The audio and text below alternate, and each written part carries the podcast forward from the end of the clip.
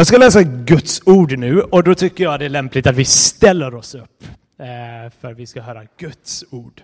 Så ska jag läsa ur kapitel 4 från vers 7 och framåt. Och så här lyder Herrens ord. Mina älskade, låt oss älska varandra. Ty kärleken är av Gud och var och en som älskar är född av Gud och känner Gud. Den som inte älskar har inte lärt känna Gud, ty Gud är kärlek. Så uppenbarades Guds kärlek till oss. Han sände sin enfödde son till världen för att vi skulle leva genom honom. Kärleken består inte i att eh, vi har älskat Gud, utan att han har älskat oss och sänt sin son till försoning för våra synder. Mina älskade, om Gud älskar oss så högt är också vi skyldiga att älska varandra. Amen.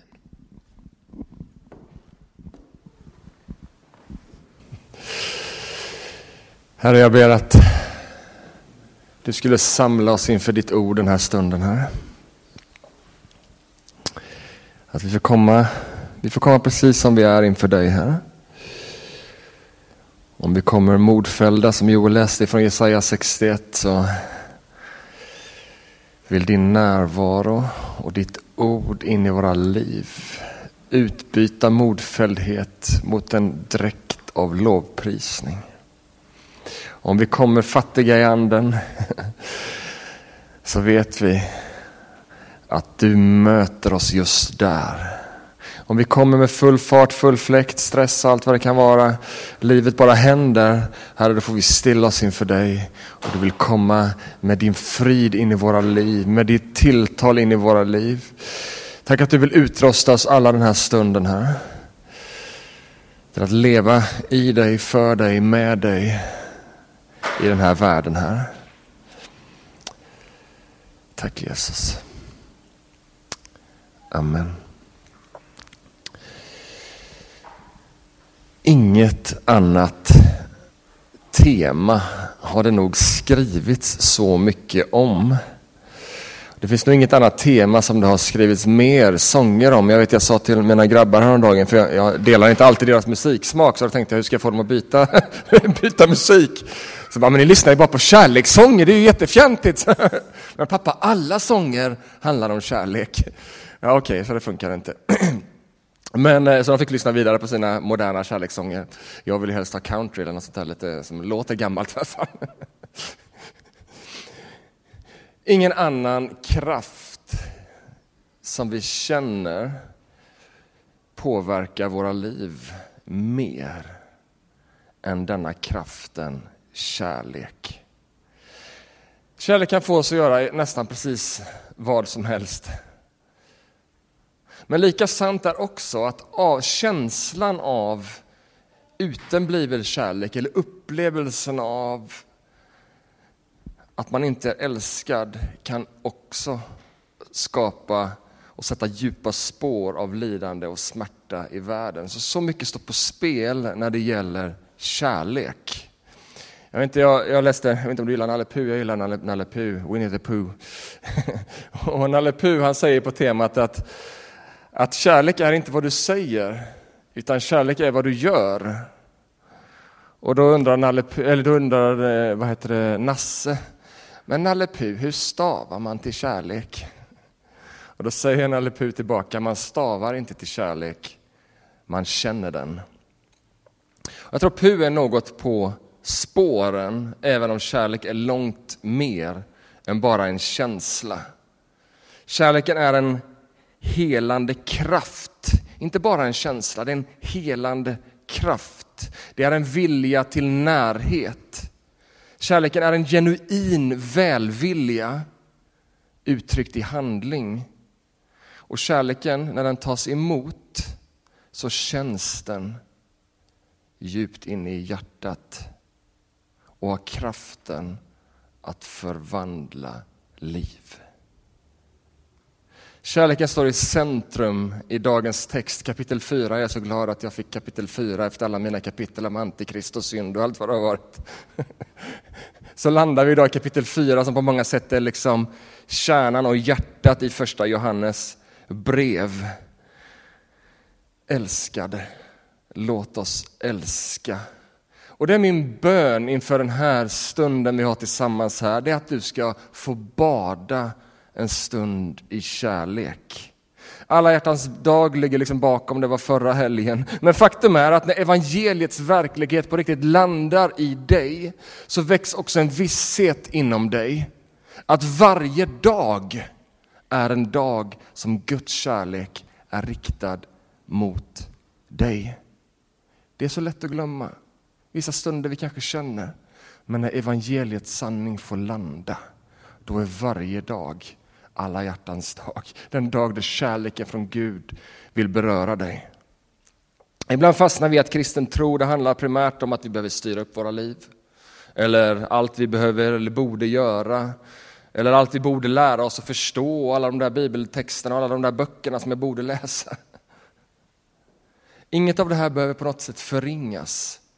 Men jag tror att kärleken ganska ofta behöver förstärkas i våra liv. Därför att Gud skapade människan av kärlek. Han gav sig själv för oss i kärlek. Och han älskar oss så pass, och det förstår vi också när vi läser igenom första Johannesbrev kapitel 4, han älskar oss så pass att han kan inte tänka sig en evighet utan dig. Så mycket älskar han.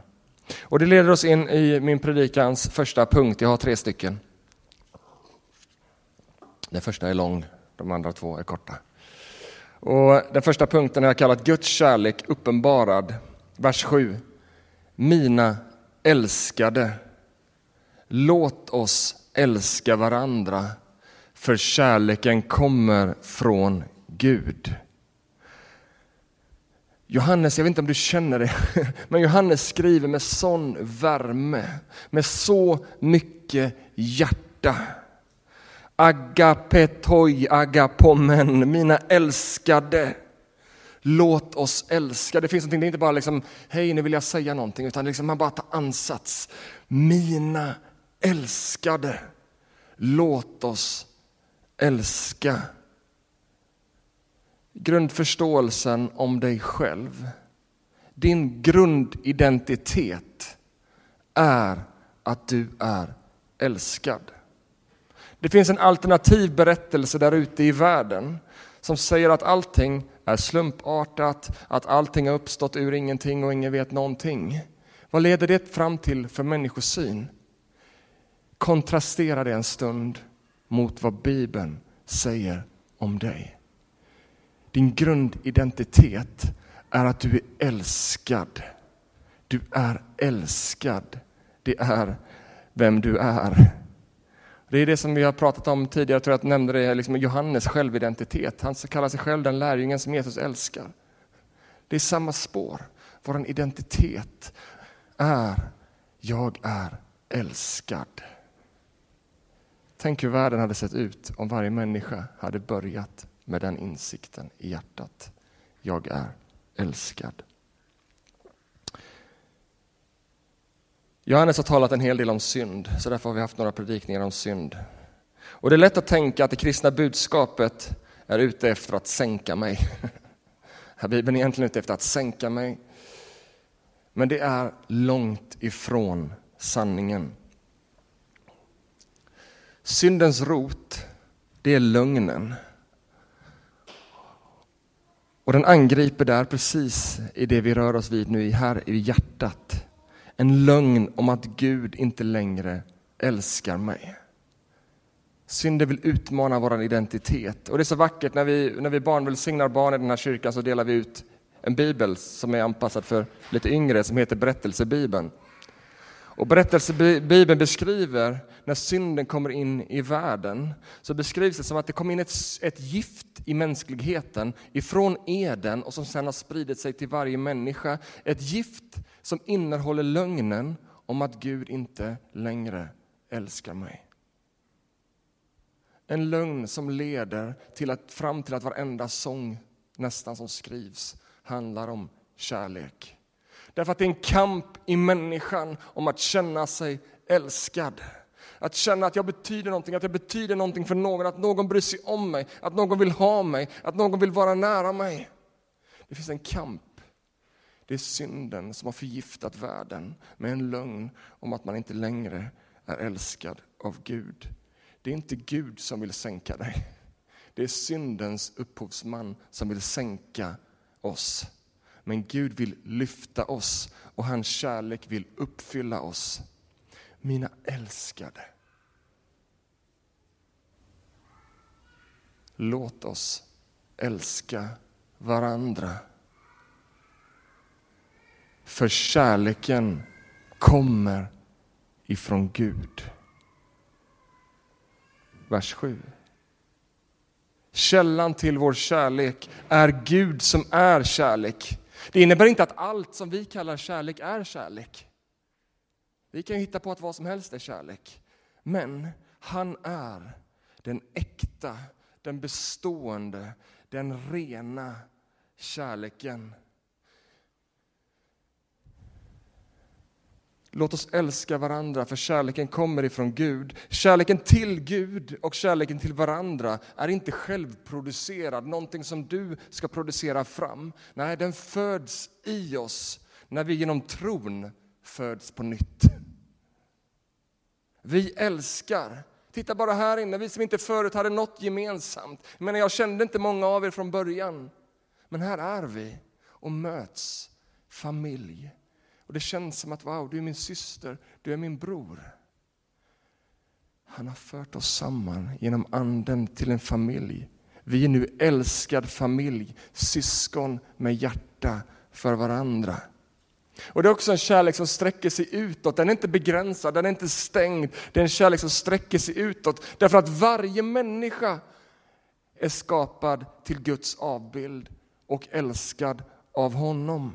Så hans kärlek i oss väcker en kärlek i oss som växer i oss för att omfamna fler och mer. Är det lätt att älska?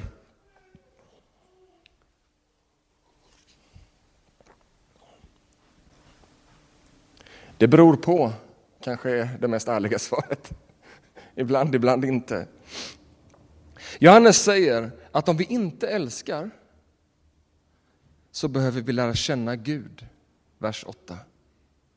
Om vi inte älskar så behöver vi lära känna Gud för att han är kärlek. Och det här är inte en sån här grej, slå dig i huvudet, älskar du inte?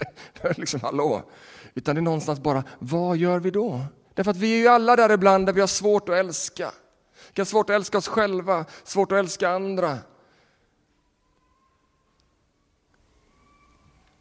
Då behöver du inte försöka hårdare utan istället gå till han som är kärleken. Och det här att Gud är kärlek, det säger så mycket om Gud. Och Det här skrivs in i en kontext liksom där de grekiska gudarna liksom rådde, man liksom trodde på grekiska gudarna som var opersonliga krafter. Men då säger Johannes att Gud, den sanne guden, är kärlek. Det betyder att Gud är inte en opersonlig kraft. Han är intresserad, han är aktiv, han bryr sig om dig. Sådan är Gud. Och ingen annanstans blir Guds kärlek liksom tydligare, mer riktad mot dig och mer uppenbarad än när vi ser hur Gud handlar i historien. Vers 9 i brevet, så uppenbarades Guds kärlek till oss. I tiden så uppenbarades Guds kärlek till oss att han sände sin enfödde son till världen för att vi skulle leva genom honom. Nalle Puh hade rätt. Kärlek är inte vad man säger, utan vad man gör. Gud har visat i handling. Så uppenbarades Guds kärlek. Vems kärlek blev uppenbarad?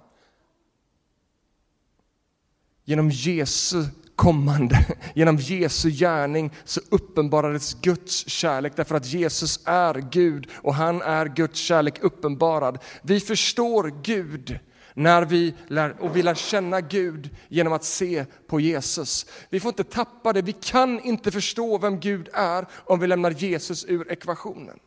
Det är först genom Jesus som vi på riktigt kan förstå vem Gud är, hans väsen och hans karaktär. Så hur lär du känna Gud? Se på Jesus. Och vad ser du när du ser på Jesus? Jo, du ser Gud personifierad. Du ser Guds kärlek uppenbarad för dig i faktisk handling. Du är så älskad. Du kan, det, det, jag vet inte hur man ska få bort klyschigheten från det här. Utan liksom bara nå hjärtat i det och verkligheten. Att du är så älskad att Gud gav sig själv i Jesus för dig.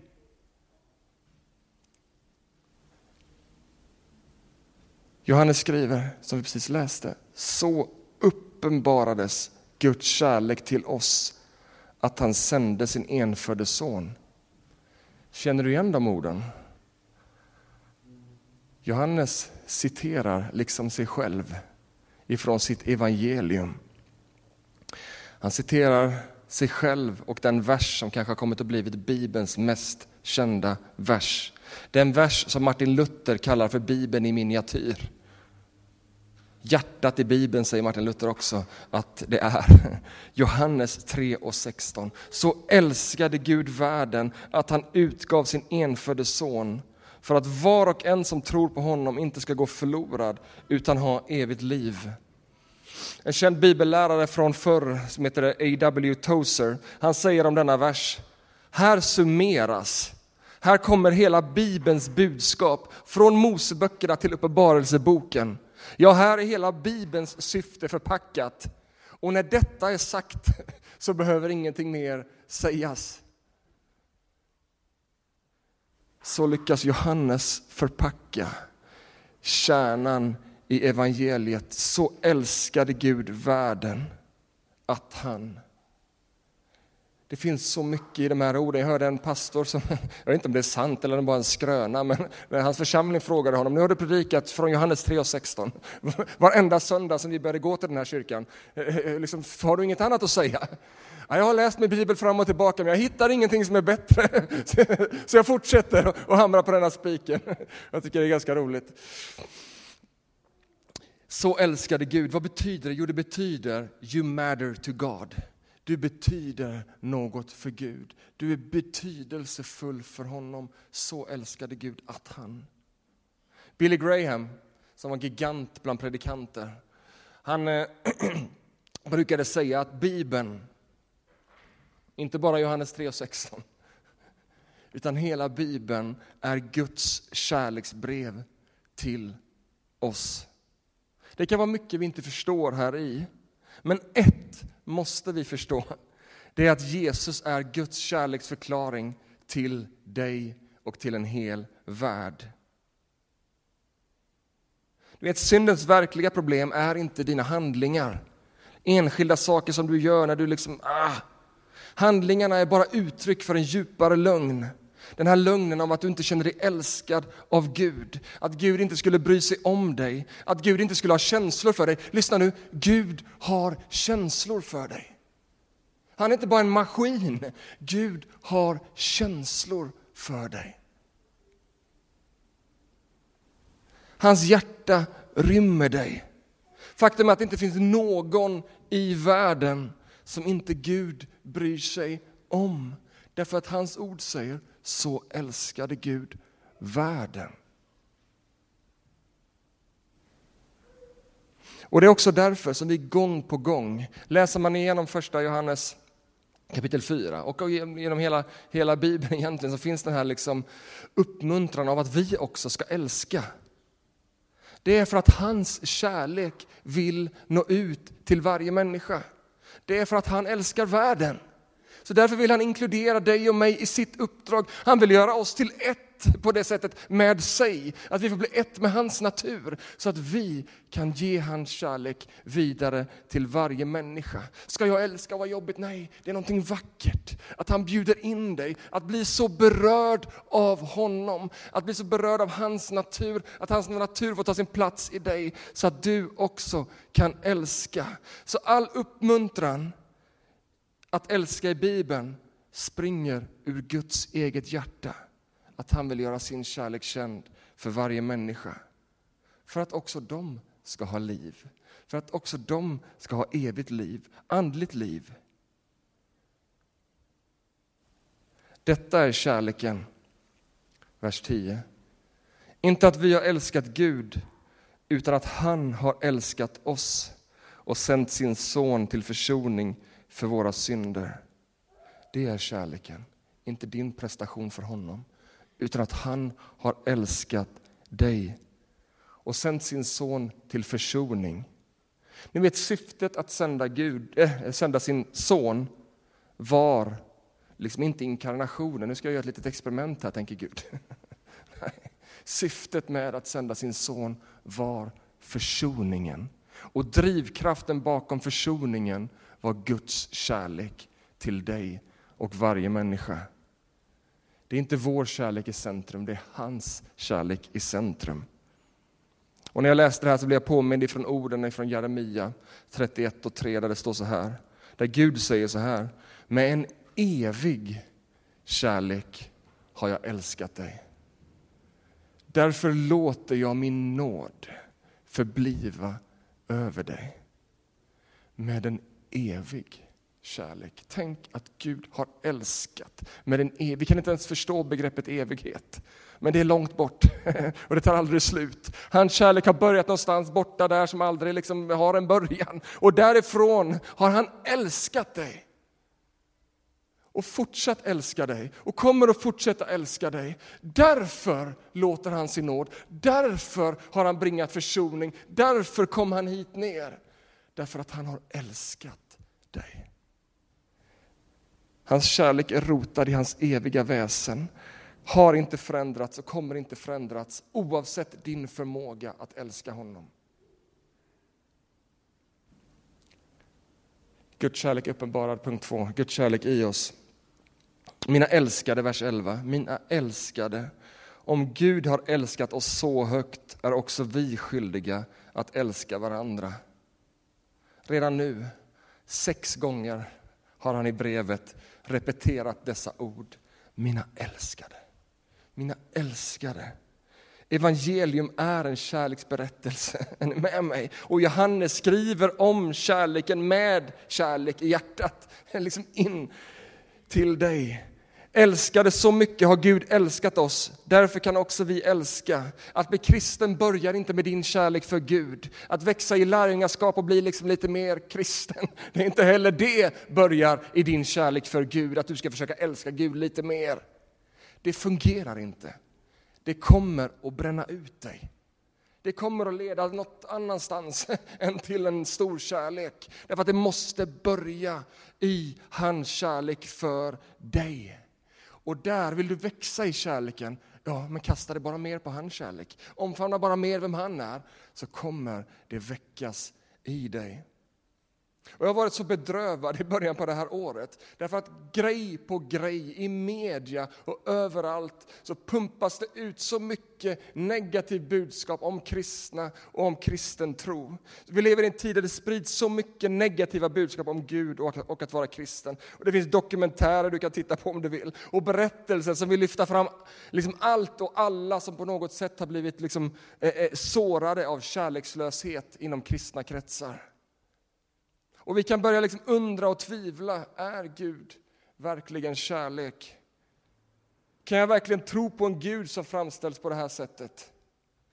Vill jag ens vara kristen om det, liksom det är det här det innebär, om det är så här det ser ut, det är hårdhet och det är kärlekslöshet och det är konstiga grejer? Nej, det är klart du inte vill. Det är väl ingen som vill vara kristen om det är det som är att vara kristen, är du med mig? Det är väl ingen som vill, om vi formar vår bild av vem Gud är och vad kristet liv är, på felaktiga bilder av vem Gud är. Vi kan inte mata oss med liksom massa lögner och massa falska saker om vem Gud är och vad kristet liv är. Men bara för att vi är kristna så är vi inte perfekta. Det är säkert så att du har blivit sårad genom mitt agerande om du har känt mig tillräckligt länge. Jag är inte fullkomlig. Men du kan inte bygga din bild på vem Gud är, vad kristet liv är, genom att enbart titta på mig. Vi behöver titta på han som har låtit sig uppenbaras i sitt ord, som har låtit sig uppenbaras genom historien och som genom tiden uppenbarar sig för ditt hjärta, genom genom den helige Ande vem han är. Det är därför Martin Luther kunde säga det här är Gud, det här är Bibeln i miniatyr. Därför att det här är hjärtat av vem Gud är. Han som älskade så att han gav sig själv. Där centreras allting, där bränner det till. Vill du vara kristen, om det är det det handlar om, att han har gett allt för dig, att han har älskat dig sin evighet, att han kommer att älska dig. Och att han liksom inte kommer ge upp om dig. Ja, det är klart du vill, därför att ingen kan motstå vem han är om vi får se vem han verkligen är.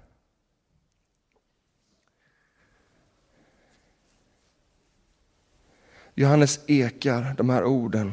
Ord rotade i en rätt bild av Gud. Gud har älskat oss så högt, säger han. Här börjar allting som har med Gud att göra i ditt liv. Gud har älskat oss så högt. Därför kan också vi älska.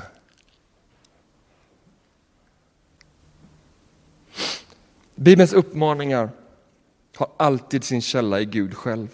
Allt börjar hos Gud som ger av vem han är till oss. Vi kallas att bli heliga i Petrus, första Petrus brev. Varför? Därför att han är helig. Vi kallas att visa nåd i Lukas 6 till exempel. Varför? Jo, därför att han är nåd personifierad. Vi kallas att älska därför att han är kärlek. Han är vår förebild, ja, men än viktigare än så, han har blivit en källa inom oss som vi kan ösa ur. Det är därför Johannes säger i, i dagens kapitel, vers 13, att vi vet att vi förblir i honom och han förblir i oss. För han har gett oss av sin ande. Vi kan älska för att han först har älskat oss och för att han har blivit en kraft i oss, kärleken i oss vi har fått del av gudomlig, gudomlig natur. Hans natur, vem han är, har blivit verksam i oss. Mänsklighet i sin fullhet är krönt med gudomlighet. Mänsklighet utan gudomlighet haltar. Mänsklighet i sin fullhet är krönt med gudomlig närvaro. Gud i dig, Gud med dig, Gud genom dig. Vers 12 så säger Johannes att ingen har någonsin sett Gud. Men om vi älskar varandra förblir Gud i oss och hans kärlek har nått sitt mål i oss. Vi har ännu inte sett Gud i sin fullhet. Nej, det har vi inte. Det återstår ännu, det ligger framför. Men det är spännande när man tittar, vad säger Johannes här? Det är som att han säger att Gud blir synlig. Guds karaktär blir synlig, hans närvaro blir synlig när vi älskar varandra. Vi har pratat om det hemma, vad pandemin jag Säkert du har pratat med vänner och liksom om du lever med någon, liksom vad pandemin har gjort med oss. Men en sak som pandemin har gjort är att den har isolerat oss ifrån varandra. Och jag skulle vilja säga att vi är svältfödda på den kärleken från Gud som vi skulle ha fått genom att möta våra trossyskon. Därför att i varandra så får vi möta vem Gud är, och inte bara vem Gud är, vi får möta Gud.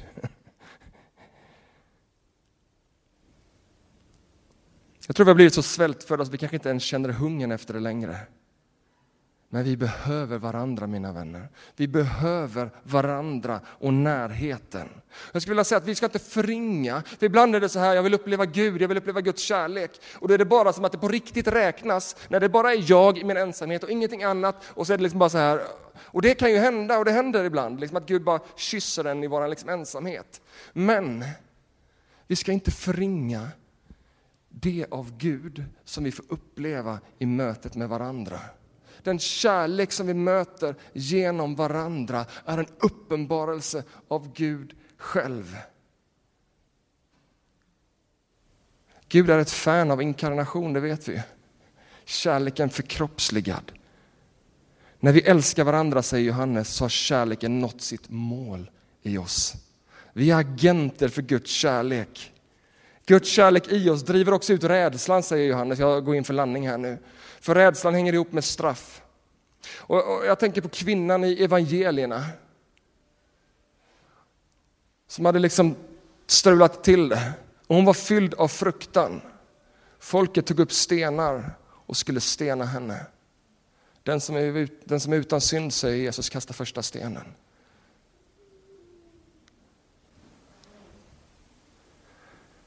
Och hon kanske undrar vad ska hända nu? Ska han också döma mig?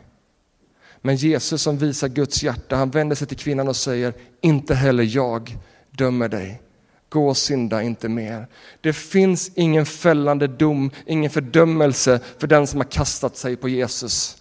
Det finns inte. Kvinnan fick möta Guds kärlek. Och vad, vad sker liksom transformation och förvandling? Vad händer det goda saker i ditt liv? Jo, det börjar i att du öppnar upp för Gud själv, vem han är och tar emot hans kärlek. Och vad kan vara bäst, bättre sätt att avsluta den här predikan på än en vacker vers som finns ingraverad i min ring här på fingret. Vers 19. Vi älskar därför att han först har älskat oss. Och det är min sista punkt, Guds kärlek genom oss. Vi älskar därför att han först har älskat oss. Kärleken är som en dans. It takes two to tango, säger man ibland. En som för och en som följer med. Det krävs två. Vi älskar för att han först har älskat oss. Att bli älskad och att älska är som en sammanlänkad eh, kedja. Det är en pågående händelse av att bli älskad och att älska. Och i en parrelation så vet man inte alltid var kärleken började.